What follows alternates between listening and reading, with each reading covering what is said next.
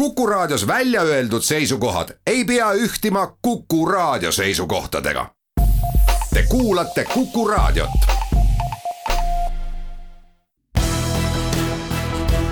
olukorrast ajakirjanduses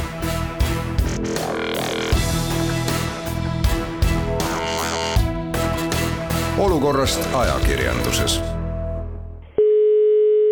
vanamutt kuradi prügikorraldaja. Räägi, see on täitsa. korrapidi Viktoria kuulab, tere. tere, ohuolukord, ohuolukord, kordan, ohuolukord. Tirdi tänaval, Tirdi tänaval. Tirdi tänav neli maja juures.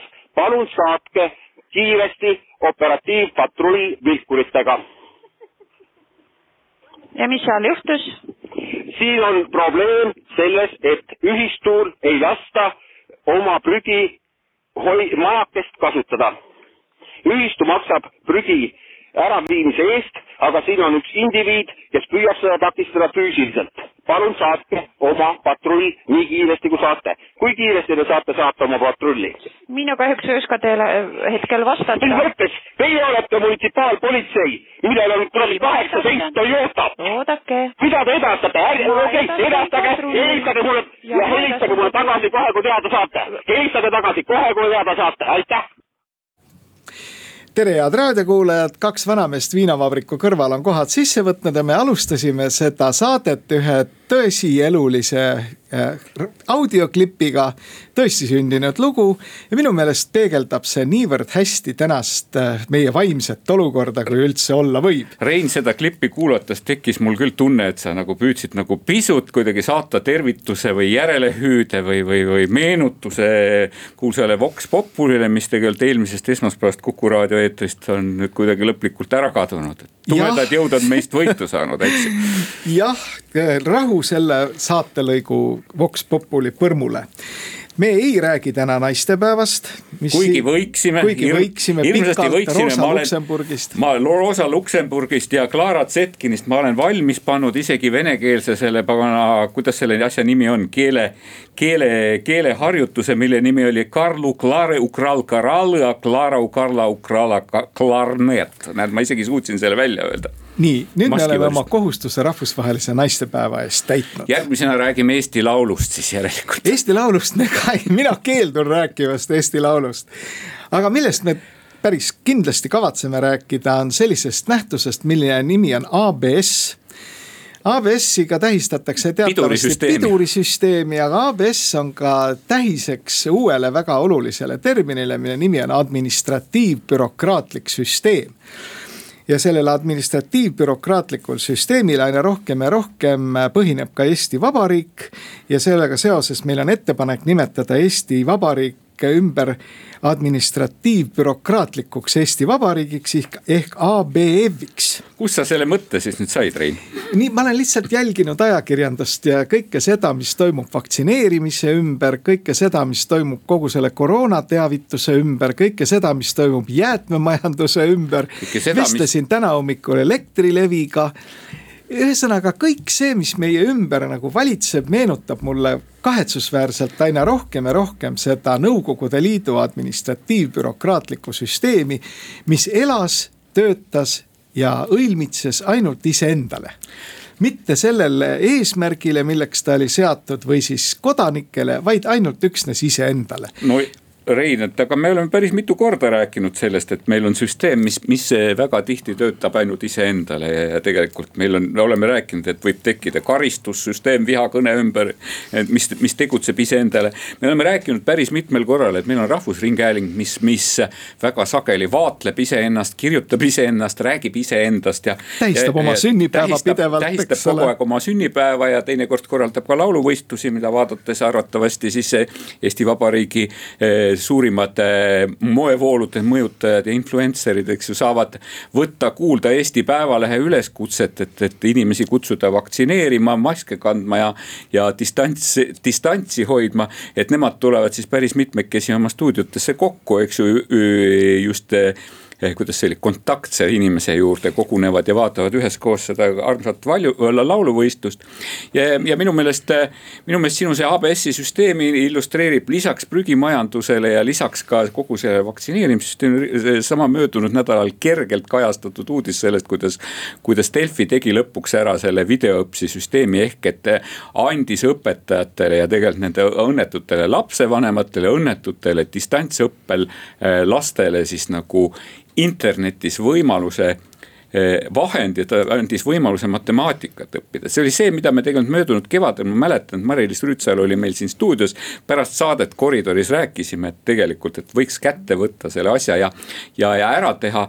et nüüd, kui see asi on ära tehtud, ma vaatasin, et isegi president kiitis seda, kiitis seda kui, kui väga märkimisväärset nähtust, et et mulle tundus küll, et seesama ABS süsteem, eks ju, lohistas seda projekti oma koridorides ikka päris korralikult, eks ju. sellepärast, et, et ma ma küll ei ole nagu eraldi seda Mari-Liisi käest küsinud, aga mulle tundus küll, et neil oli, neil oli vestlusi haridusministeeriumis küll, aga tundus, et.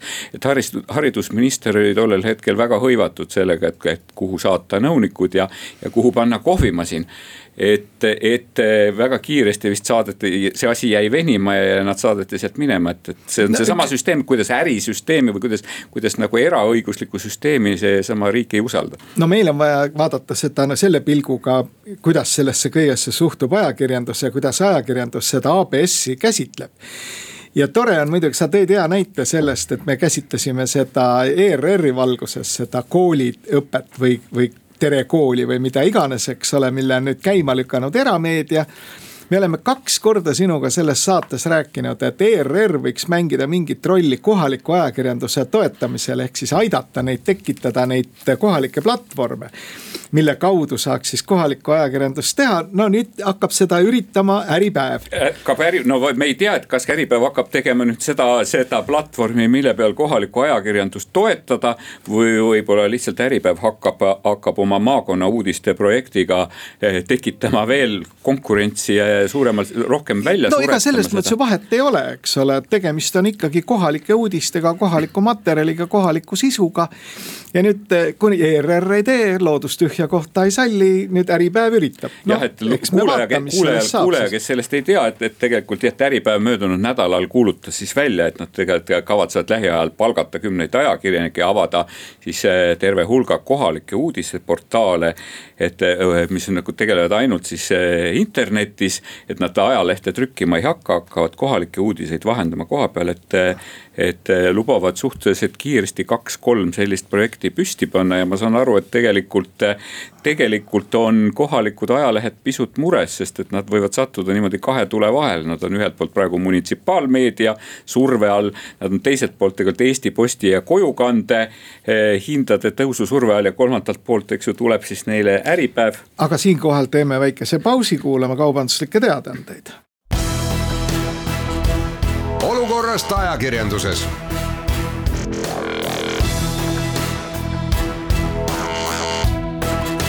olukorrast ajakirjanduses vanamehed viinavabriku kõrvalt on võtnud arutada ABS-i ehk administratiivbürokraatliku süsteemi üle nüüd minu hinnangul on küll selle ABS-i areng viimasel ajal Eestis olnud ikka väga muljetavaldav. minule kui vanemale mehele tuleb muidugi meelde, et Nõukogude Liit jõudis selles osas täiusesse.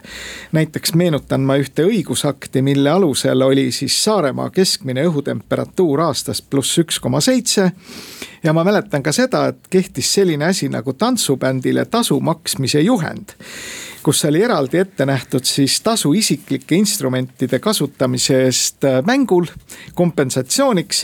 ja seal oli juures tabel, mis oli kolm lehekülge pikk ja ma mäletan, et trombooni eest oli võimalik siis artistile maksta kompensatsiooni üks rubla ja nelikümmend kaheksa no, kopikat. Rein, Rein, ma arvan, et nagu tänapäeva bändide raiderid on tunduvalt üksikasjalisemad ja sellel ei ole tegelikult selle Nüüd nagu pidurdava süsteemiga midagi pistmist. see oli nõu-, see oli Nõukogude riik. ja nüüd, kui me vaatame seda tendentsi, mis Eestis käib, no minu minu arvates selle nädala ajakirjanduslik materjal number üks oli kindlasti Eesti Ekspressis ja pikk lugu, kus ta kirjeldas, kuidas administratiivbürokraatlik süsteem korraldab Eestis vaktsineerimist. no vaktsineerimise väga... korraldamine on minu meelest nagu näeb välja selline, et me paneme seina peale loosungit vaktsineerimisega on kõik korras ja siis me kummardame sinna peale ja, ja üheskoos kordame, kõik on korras, kõik on korras. jah, aga vaata, mis oli selle, selle Ekspressi loo, see tulemus oli minu meelest väga hea, sest ta näitas ära, kuidas administratiivbürokraatlik süsteem hoolitseb selle eest, et ta läbipaistvalt, viisakalt ja asjakohaselt teeb ajakirjandusele selgeks, et ta tegutseb rahva huvides et isegi pühapäeval on, on kallid ametnikud nõus tulema tööle. võtma selgit... kaasa oma, oma suuvoodrit, eks ju, ja, ja, ja, ja, ja selgitama laialt, üksikasjalikult eksib kuidas, kuidas rahvas eksib, et kuidas teda õnnelikuks tehakse. aeg raisus, eks ole, tulemus nullilähedane ja neid siit ja sealt ju tegelikult jooksevad need numbrid läbi, et mõtlev inimene saab suurepäraselt aru, et olukorras, kus toimub võidujooks nagu viiruse levikuga. oleks mõistlik, et mitte ükski vaktsiiniampull ei jääks kasutamata, kui ta on jõudnud Eestisse, noh kaheteistkümne tunni jooksul Eesti teedevõrku arvestades. võiks see leida ikkagi tee kellegi käsivarde aga ei tähendab, seal vahel on nii palju pitsatiga pabereid ja nii palju inimesi, kes tegelevad nende paberitega ja mingite nimekirjade koostamisega. ja nüüd käib võistlus selle peale, kelle käes on nimekiri haigekassa väidab, et temal on nimekiri, siis perearstid, muide meist igaüks kuulub mingisse perearsti nimistusse, perearstidel on nimekiri, kuskil on veel mingi nimekiri. rahvastikuregistris selgub, et on olemas nimekiri ja igasse selle, igale sellele nimekirja kantud isikule on välja antud Eesti Vabariigi poolt meiliaadress. ja seda, kuidas töö, kui hästi töötab e-riigis, tiiger e-riigis seesama meiliaadress, et seda me tegelikult möödunud nädalal nägime, nägime siis, et kui, kui tegelikult sellele meiliaadressile saadeti välja saadeti välja terve hulk, eks ju, kutseid vaktsineerima ja oi üllatust, inimesed avastasid äkki, et oi, et inimesed, et. et äh, vaktsiinid olid valmis, vaktsineerijad olid valmis, lauad olid valmis, ootasid paljastatud käsivarsi ja keda ei olnud. olid needsamad inimesed, sellepärast et see sõnum ei jõudnud kohale. et väga huvitav, et pärast seda tegelikult on alanud, on alanud tegelikult arutelu päris mitmes ringkonnas sellest, et kuidas see Eesti e-aadress ikkagi toimib. kas see toimib, kas see süsteem toimib ikka sama, samal ladusalt nagu, nagu ta on kogu aeg olnud. ja väga huvitav, päris mitmed minu kolleegid on täna hommikulgi, ma isegi olen teinud, on teinud, on teinud siis katsed, et kas tema eesti.ee aadress, mis on suunatud tegelikult eh, kusagile töötavale meiliaadressile, et, et see sõnum kohale jõuaks. ja tõepoolest, mul on see ammu suunatud, ma tean alati, et kui mul oli, kui mul hakkas isiku tõendav dokument läbi saama, sain ma toreda meeldetuletuse. kui minu juhiluba hakkas aeguma, sain ma hoiatuse, kui minu tehnoülevaatus hakkas aeguma, sain ma alati hoiatuse. aga nüüd nagu huvitav, püüdsin iseendale kirja saata ja siis selgus, et ei saanud. saatsin, saatsin sinnasama Eesti Eesse endale meili sain vastuseks, tegelikult sain vastuseks, et see meili saatmine ei ole õnnestunud, sellepärast säärast meiliaadressi pole kas olemas või sellel ei ole võimalik kirju vastu võtta.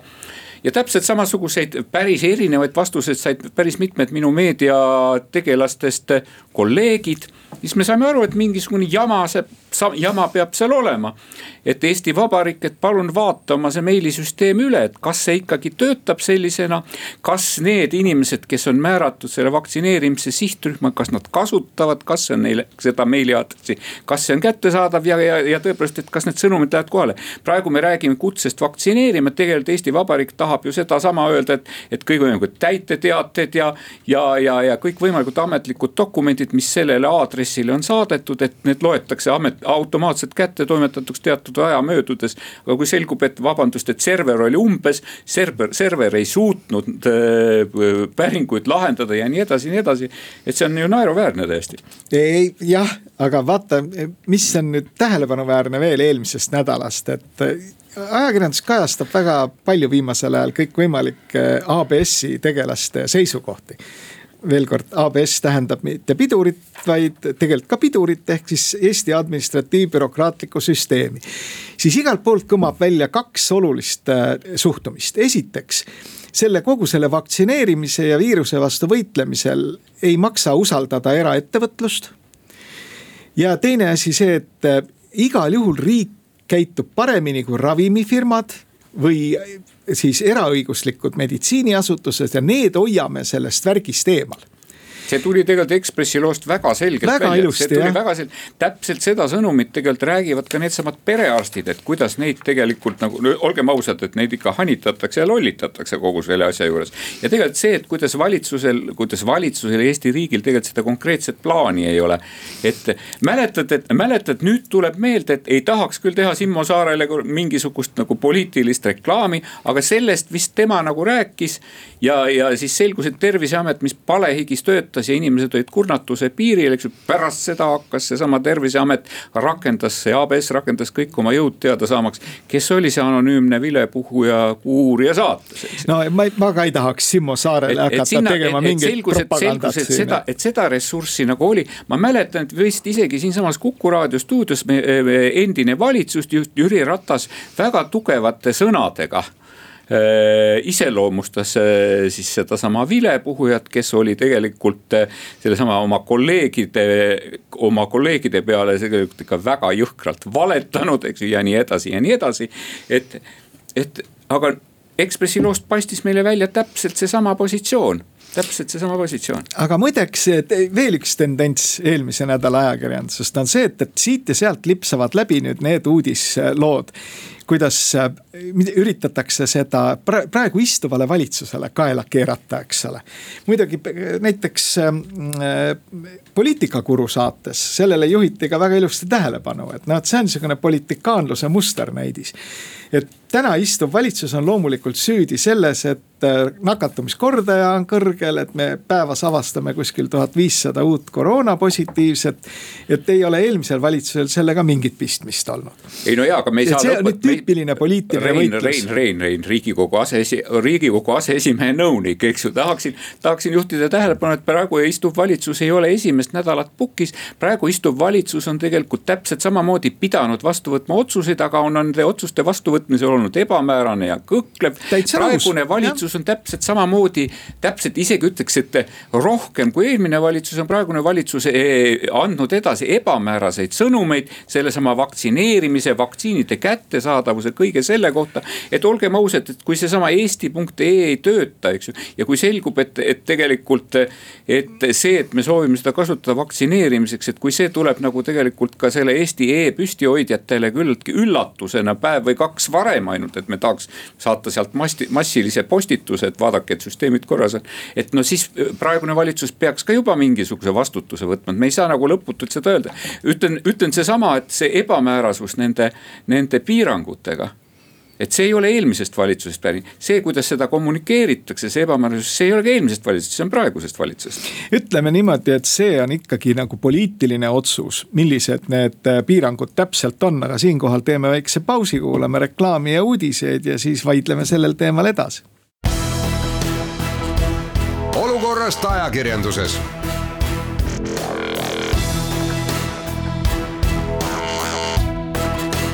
olukorrast ajakirjanduses vanamehed viinavabriku kõrvalt rääkimas ABS-ist ehk administratiivbürokraatlikust süsteemist, mis on vähkkasvajana Eestit üle võtmas ja vaatame seda, kuidas siis ajakirjandus sellesse suhtub. teine asi, jäätmekäitlus teema, mille jällegi Eesti ajakirjandus jõuliselt esile tõstis, meenutame veel ükskord, tegid seda siis Eesti Ekspress ja Maaleht kahe peale. lõid kaika sipelga pessa ja sellest. sipelgapesa andis vastulöögi ka. sipelgapesa on andnud vastulöögi. sipelgapesa andis vastulöögi tegelikult nendesama kes jäätmekäitlusfirmade näol, kes tegelikult päris mitmelt tundus, et peaaegu sünkroniseeritud jutupunktidena. tegelikult edastasid sõnumit ühtepidi, et eks ega kõik asjad ikka nii ka ei olnud umbes nagu, nagu seal ajalehe artiklites kirjas on. et, et võib-olla mõni nagu aspekt oli ikka pisut teistmoodi. aga no põhiline sõnum ikkagi oli minu meelest, et ärge, ärge loobuge sellest äh, jäätmete sorteerimisest. ja ärge pange ikkagi seda poolikat, poolikut jogurtipakki, sest see rikub meil kogu mängu ära. no ega selles on oma tõetera, et ega nüüd ei maksa tõesti takka kütta seda arvamust, et lõpe, lõpetage sorteerimine või veel hullem, loopige prügi metsa alla.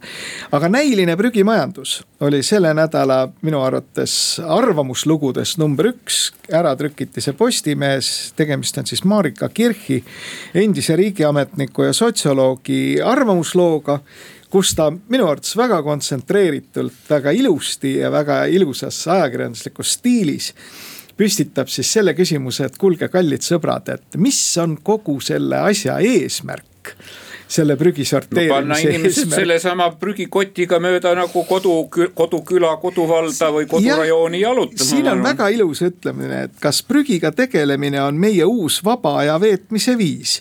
meie uus kvaliteetaeg, mille saame selle vastu, et kaupa on poest koju mugav tuua ja vot nüüd minu meelest ongi see küsimus, et ka ajakirjanduse puhul ma, ma näen seda, et mitte ei esita küsimust Äh, tihtipeale, mis on kogu mingisuguse asja eesmärk, miks me seda siis teeme vaid keskendutakse ühe või teise asja korraldamisele. nüüd äh, Postimees tegi väga ilusa lükke, ta ju esitas kõikidele poliitilistele erakondadele selle küsimuse, et mida teie arvate kogu sellest jäätmemajanduse värgist. et mida tuleks teha teistmoodi ütleme nii, et võimul olevate erakondade jäätmeesindajad olid suhteliselt kidakeelsed, noh, see on tõesti mõistetav. aga mida siis opositsioonitegelased, eelkõige siis Eesti kakssada ja rohelised ütlesid, oli see, et täiustame seda administratiivbürokraatlikku süsteemi. tõhustame järelevalvet, võtame ametnikke tööle ja küll siis kõik asjad paranevad. no Eks ei parane. no aga ütleme ka Ragn Selts tegelikult öö, oma arvamusloos ütles, et, et just praeguse olukorrani ongi see tegelikult see järelevalve, järelevalve järelevalve nõrkus viinud. ja tegelikult sellele viitas ka nii Ekspressi kui Maalehe lugu, mis nagu näitas, et, et sa saad ju tegelikult manipuleerida numbritega, sa saad eh, manipuleerida nende koodidega, et kuidas, eh, kuidas pakendist saab äkki olmeprügi. et sa tegelikult saadki peita oma nagu suhteliselt sorteeritud prügihunniku sinnasama maa sisse ära matta. sa saad, eks ju, Mac hetke selle lükata ja probleem on kaelast ära ja sa saad tegelikult siis nendest samastest eh, pakenditasudest, eks ju, ilusasti kõrvale. ja, aga nüüd mina esitangi selle küsimuse, et kas kogu see süsteem on nagu seda väärt, et selle üle hakata tegema rohkem järelevalvet, ehk siis nõukogude administratiivbürokraatliku süsteemi põhihäda oli ka selles. et väideti seda, et väga tarku ja mõistlikke regulatsioone, mida ma eelpool just mainisin, et Saaremaa keskmine õhutemperatuur pluss üks koma seitse ja kui palju trombooni eest tohtis maksta. et kui seda kõike täita saksa korralikkusega, siis tuleb õnn õuele. Mina väidan, et ei tule, süsteem iseenesest on jabur. Ja ka Marika Kirch esitab ju selle küsimuse, et mis on selle asja eesmärk, eesmärk oleks ju see, et oleks keskkonnakoormus oleks väiksem. ehk me ei toodaks nii palju prügi, eesmärk ei ole ju see, et saada rohkem prügi, mida sorteerida või ära anda või vedada, eks ole. ja selle kohta aruannet kirjutada või toota midagi mingisugusest jäätmetest, millel on uus väärtus ega siis see, kui me no, Rein, toodame no, kaudselt, prügist asju. ma kaudselt siis..., ma, ma, mulle ikkagi tundub, et selle pan-, selle pakendi maksustamise süsteem on mõeldud selleks, et tegelikult tootjad võimalikult, võimalikult vähe neid asju pakiksid ja võimalikult vähe toodaksid sedasama pakendiprügi. aga kui selgub, et sellest, sellest maksust on võimalik lihtsal ja elegantsel ja, ja, ja kõikidele, kõikidele sobival ja kasumlikul moel nagu kõrvale hiilida, et siis, siis tegelikult. no siis no, järelikult siis me, siis ei, me, ei ole sellisel süsteemil väga suurt mõtet jah. et kui nüüd on välja toodud kogu see värk, eks ole, kogu see, selle olemasoleva süsteemi mittetoimimine siis minu meelest on hukatus hakata mõtlema selle peale, kuidas seda nüüd veel täiustada, kuidas veel tuua uusi regulatsioone. vaid tegelikult tuleks mõelda radikaalselt selle peale, kuidasmoodi siis teha selline regulatsioon, mis oluliselt vähendaks selle prügi tekkimist või noh, meenutame omal ajal sellist vapustavat aktsiooni, mida tegi nüüd juba muutunud, äh, tänaseks on see nimi muutunud, aga oli selline kütuse jaemüügifirma nagu Statoil. kes jagas kõigile bensiinijaamades kotte pealkirjaga Pane prügi kotti, see tähendab tootis uut prügi, eks ole, mingisuguse aktsiooniga. no aga jälle mulle tuleb meelde, et tõepoolest, et kui see nagu see, mäletad, meil oli see Teeme ära kampaania, et, et tundus mulle ka, et, et tegelikult, et samamoodi, et seesama ABS lohistas ja ütles, et sellist, sellist, et selleks, et korraldada sellist aktsiooni, et meil läheb vaja ikka päris mitu, mitu aastat, et me peame analüseerima.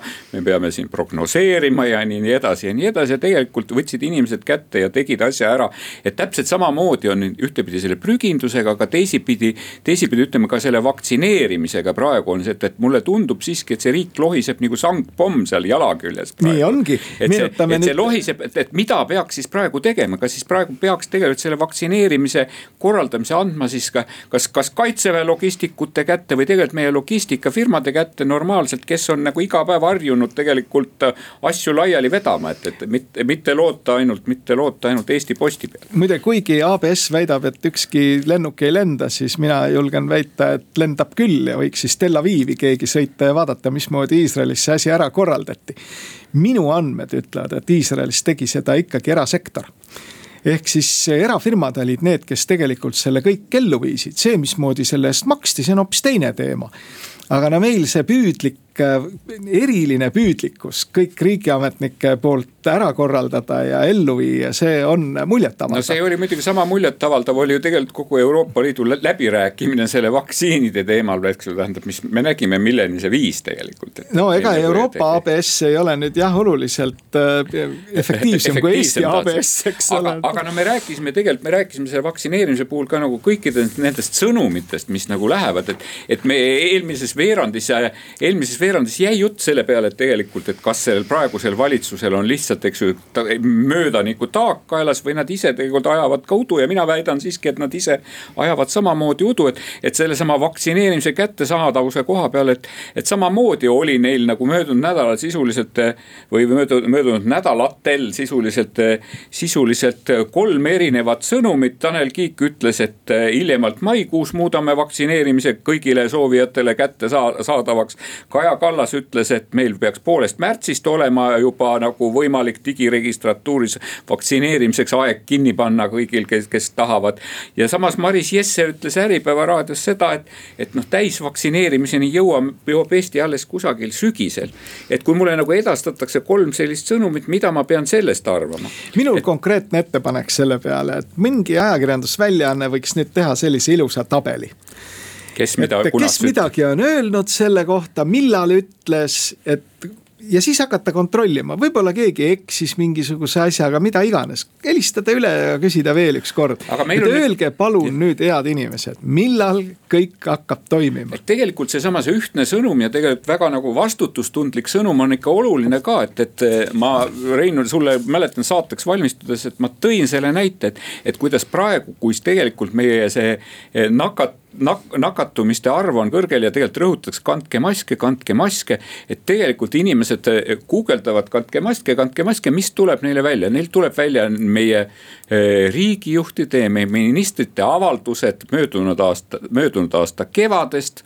kus nad tegelikult nagu vaadates sulle sügavalt silma sisse, eks ju, tähendab niimoodi, luues usalduslikku ilmet, ütlevad, et maski tuleks kanda vaid siis, eks ju, kui te olete nakatunud, kui teil on haigussümptomid. see oli see aeg, kus meil mask maske ei olnud, eks ju, kus ministrid ei olnud veel nagu lennuväljal neid ära toomas käinud. Vene, Vene lennukil Vene vastal. lennukilt, eks ju, nad ei olnud seda veel ära toomas käinud, eks ju, ja tuli edasi, tuli nagu mingisugust udu ajada selleks, et, et miks meil, miks meil maske ei ole, et inimesed nõudsid maske. ja siis andis nagu riik andis sõnumi, et, et maske peavad kandma ainult sellised ja nüüd selgub, et maski peavad kandma kõik. et kui riik annab nagu sulle ütleme lähikese, lühikese aja jooksul väga mitu erinevat sõnumit, et noh, kõik inimesed ei ole au augimäluga, et neil tekib teatav sihukene kognitiivne segadus, ütleks ma selle kohta ja, ja see on alati halb see on alati halb ja sellepärast tuleks väga-väga mõelda, et minu meelest tuleks inimestel nagu inimestega ausalt rääkida. aga siin ma... teeme nüüd väikese pausi, kuulame kaubanduslikke teadaanded ja siis vaatame seda, kuidas muidu Eesti ajakirjandus edastab Vene pressiteateid. olukorrast ajakirjanduses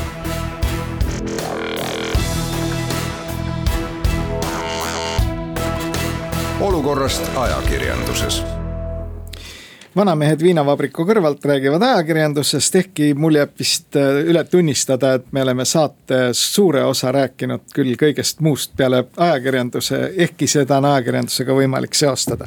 aga natuke nüüd sellest, mismoodi Eesti ajakirjandus läks liimile ja edastas ühe väga selge pressiteate Leningradi oblastist ehk siis jutt oli sellest, kuidasmoodi Eesti venelased ei taha Euroopa mürgisüsti ja nõuavad hoopis Sputniku vaktsiini. sellekohane artikkel ilmus, kas ei olnud mitte Delfis seda oli ka venekeelses ajakirjanduses, ehkki Ilmar Raag muide käsitleb sedasama teemat väga põhjalikult Eesti Rahvusringhäälingu portaalis oma kommentaaris kus ta siis räägibki seda, et noh, millegipärast seesama pealkiri ei toeta väga ka seda lugu aga selline pealkiri hakkab vaieldamatult elama oma elu ja ta toob siin ka selle näite, et selle asemel, et selline pressiteade siis üks-üheselt ära trükkida ja edastada, selle asemel oleks võinud hakata tegelema ajakirjandusliku uurimistööga.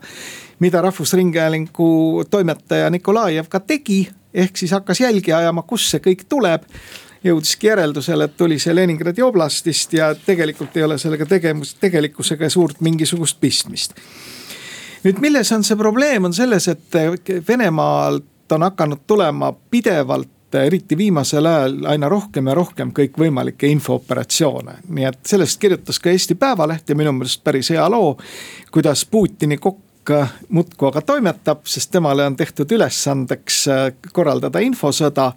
ja selle infosõja üks elementidest praegu on väga selgelt siis ebausaldusliku suhtumise tekitamine AstraZeneca vaktsiini vastu miks, see võib-olla tõesti on siis venelastel ikkagi plaan seda Sputnikut ülemaailmselt turustada no,. Nende ega... enda tootmisvõimsused on üsna kehvakesed praegu, nii et ega nad seda eksportida väga ei saa ja muide riigiduuma on ka keelanud selle vaktsiini ekspordi, välja arvatud ainult juhul, kui seda nõuab siis Venemaa president ja eks poliitiliselt seda Sputnikut muidugi üritatakse Moskva maksab ära kasutada. aga probleem on eelkõige selles, et sellega üritatakse lüüa kiilu Euroopa riikide vahele, et kõik see ilus selline põhimõte et ravimite puhul on Euroopa Ravimiamet see keskne organisatsioon, kes siis lubab või ei luba mingite vahendite kasutamist Euroopa Liidu territooriumil. et see põhimõte läheks korstnasse ja selles suhtes venelased on, on väga edukad olnud, pole Mina... midagi teha. ungarlased on sellesama Hiina vaktsiini omaks võtnud ja Sputniku omaks võtnud ja saatnud kogu Brüsseli pikalt, eks ole no,. võib-olla Rein, Rein, ma, ma nüüd nagu ütlen seda, et, et mulle tundus, et, et, et Ilmar Raag püüdis nagu seal ajakirjanduses teha seda, ka seda kasulikku idiooti pisut, eks ju, kes, kes vahendab neid sõnumeid, et mulle tundub, et tegelikult me võime sellest saates muutud, võtta ise sellesama rolli. võib-olla nagu pisut teisest perspektiivist vaadatuna, aga, aga aga lihtsalt, et mulle tundub, et kas me sellele väiksele detailile tegelikult nii palju tähelepanu juhtides, eks ju, tegelikult noh, kui sedasama eesmärki, et võimendada seda Peterburi eh, või Leningradi oblastist tulnud sõnumit, et kas me nagu seda, keda liiga, liiga selgelt nagu praegu ei täida. et, et mina ei oska, mina ei oska päris ajakirjandust nagu selles suhtes süüdistada, et kellel oli õigus, kas õigus oli sellel Delfi pealkirja panijal, kes pani pisut skandaalimaiguse peale pealkirja. või tegelikult, et kas seda sõnumit võimendas tegelikult ERR, eks ju, kelle ajakirjanik tegi pika lõigu täpselt pika lõigu ühtepidi sellest, et kuidas vaktsineerimine Sputnikuga ikkagi käib ja mis teil peaks selleks kõik tarvis olema. isegi siis, kui te seda ei saa, et, et mina ei tea, kumba pidi see asi on õige. et tegelikult on ju nagu Ilmar Raag vist ise ka selles artiklis eh, möönis, et, et paljudel juhtudel ei piisa sellest, et sa, et sa, kas sa nagu ütled midagi või sa ei ütle midagi, et väga oluline on see, et mida see, kes seda ütlemist kuulab, mida ta ise sellest asjast arvab. ja, ja, ja, ja vastavalt sellele ta kujundab oma arvamuse pigem sinust.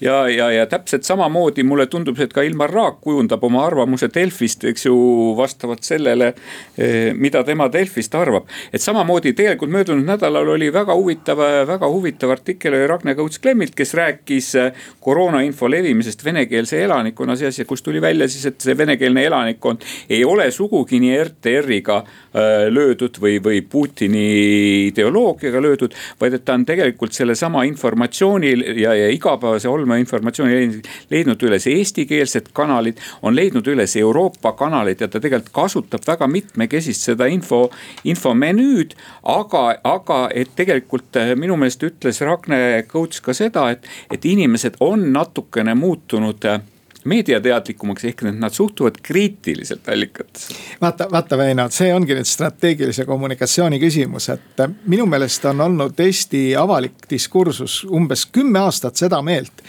et see vene elanikkond, õigemini inimesed, kelle kodune keel on vene keel, et nad aina rohkem hakkaksid tarbima seda kohalikku ajakirjandust, et tuleksid vene aru, infoväljast välja. sa tahad nagu öelda seda, et nüüd, kui me toome need sõnumid, eks ju, eestikeelsesse infovälja, et jõuab see toredasti kohale ka venekeelsetele inimestele. aga, aga, aga ma tahangi aga... ütelda seda, et tegelikult nüüd seoses sellega see eesti infoväli, mis nüüd mõjub sellele venekeelsele elanikkonnale. seal on see vastutus kordades suurem. ehk tasub juba tegelikult läbi viia kõikvõimalikke infooperatsioone ja neid ka Moskvast keskelt rahastada. sest juhul, kui ütleme, seitsekümmend protsenti Vene elanikkonnast on Vene massiteabevahendite infoväljas. siis üritatakse neid inimesi manipuleerida läbi selle Vene propaganda. nüüd, kui nad liiguvad sellesse Eesti infovälja, siis on järelikult tarvis mingeid infooperatsioone informatsioone ja neid sõnumeid, mis nad võtaksid omaks, mis on Moskvale kasulikud. ja antud juhul Moskvale kasulik on igal juhul Euroopa Liidu lammutamine ja seda peab nüüd nagu iga toimetus aru saama, et nende sõnumites võib olla see eesmärk. Rein, ma tahaksin sinuga olla nõus ja tahaks öelda, et kummardada sinu poole, öeldes, et sa oled taevalikku tarkust, eks ju, otseni, otseni täis, aga et, et kust me nagu võtame selle taevaliku tarkuse, öelda, et kuidas on asjad täpselt õiged ja mul nagu selle koha peal pealt, kui tegelikult võetakse, võetakse praegu üles selline teema, et Eesti ajakirjandus võiks nagu jälgi, järgida selgelt ühte ideoloogilist joont, eks ju. ja ignoreerida mingisuguseid teistsuguseid asju, et, et, et see teeb mind mingis mõttes ka pisut murelikuks, mind tegi murelikuks tegelikult. et lugesin Propastopi kodulehekülje pealt Pavel Ivanovi arvamusartiklit, eks ju, mis natuke rääkis ka sellest Sputnikust. ja selle lõpus tegelikult Pavel Ivanov ütles, et kirjutab, et Propastop on kirjutanud riikliku ümberlükkaja vajadusest. mulle tundub, et oleks vaja ka riiklikku suunanäitajat, muuhulgas ka venekeelsetele meediakanalitele. ta annaks nõu, kuidas olla tõhusam kommunikatsioonis, kuidas mitte tiražeerida demagoogiat ega mitteolulist infot. et, et see oleks see inimene siis arvatavasti, kes istuks toimetuse nurgas seal eraldi ukse taga ja kirjutaks kõikide ajaleheservade peale allkirjad lubatud trükkida, eks ju vist no,. kas see on midagi niisugust? nii hulluks et ma nüüd ei läheks, eks ole, nagu utreerima seda, aga ma arvan, et, et Pavelil on selles jutus väga kõva iva ehk siis ümberlükkamist meil ka väga palju ei ole, aga nüüd ütleme, et mingisugune selline strateegiliste, korrektsete, asjakohaste ja põhjendatud sõnumite saatmine. sa ise rääkisid kaks minutit tagasi, et mõistlik oleks, et valitsuse kommunikatsioon oleks ühtne ja põhineks ka ausatel väljaütlemistel. et mitte ei hakata ajama jama, et et, et kandke maske siis, kui teil on nohu, vaid et meil ei ole maske praegu. pressikonverentsil see peaks nagu see, selles mõttes pressikonverentsil tuleks seda nagu ausalt öelda, mitte tulla nurga taga rääkima, et. et meil on nagu, et meil, me kuuleme, et siin on kuulujutud, me peame seoses sellega rääkima teile sellest, teisest, kolmandast ja neljandast asjast. aga see ongi võib-olla see iva, mida me peaksime siit täna siit stuudiost ka saatma. Et ajakirjanduse ülesanne on tegelikult alati ütelda ka võimule, et kuulge, et ärge ajage meile mingisuguseid makarone siin kõrva, eks Sellest ole, et äh, ja. rääkige ausalt, nii nagu asjad on. ja sellest ja sellest paraku küll sellest samast Ragne Kõutsi uurimusest tuleb ka välja see, et, et tegelikult, et inimesed on väga kriitilised poliitikute väljaütlemiste suhtes. ja nad nagu seda peavad valeinfoks see tähendab, et väljaanded, kes vahendavad poliitikute arvamusi, eks ju, saavad ise sõnumitoojana selle selle sinu mm -hmm. nimetatud solgipangi, pangi endale kaela. tahtsime saata veel tervituse Postimehe toimetusele, nimelt ilmus seal editoorialina ehk siis juhtkirja all selline huvitav tähelepanek, et tegelikult peaks politsei hakkama inimesi kontrollima ka nende kodudes aga kuna ma, mina olin selle peale nagu eriti tige nagu erilane ja tahtsin selle peale Postimehe ühele konkreetsele isikule, kes selle editooriali kirjutas, saata tervituslauluna Horst Wesseli, aga Väino ei lubanud. ja aga mina, mina tahtsin nagu selle peale ütlesin, et ma ootan seda aega, et millal, millal ühel hetkel meil lihtsalt mitte turvamehed mitte maski kandvale inimesele või niimoodi vabalt hinda kraesse kalgavad, vaid järgmisel hetkel teda ka tasetavad. ja millal on Eesti ühiskond piisavalt palav ka selleks, et kedagi võiks selle eest tulistada kasutada. et, et hoidke palun ennast selle eest, et minu meelest see, kui lihtsalt me oleme valmis igasugusteks piiranguteks, on pisut ohtlik. ja saade on sellega läbi, aga lõpulugu on meil ka, see on meiepoolne Naist,. naistepäeva tervitus. naistepäeva tervitus ja see on meiepoolne ettepanek, millise loo võiks saata Eesti Vabariik Eurovisiooni lauluvõistlusele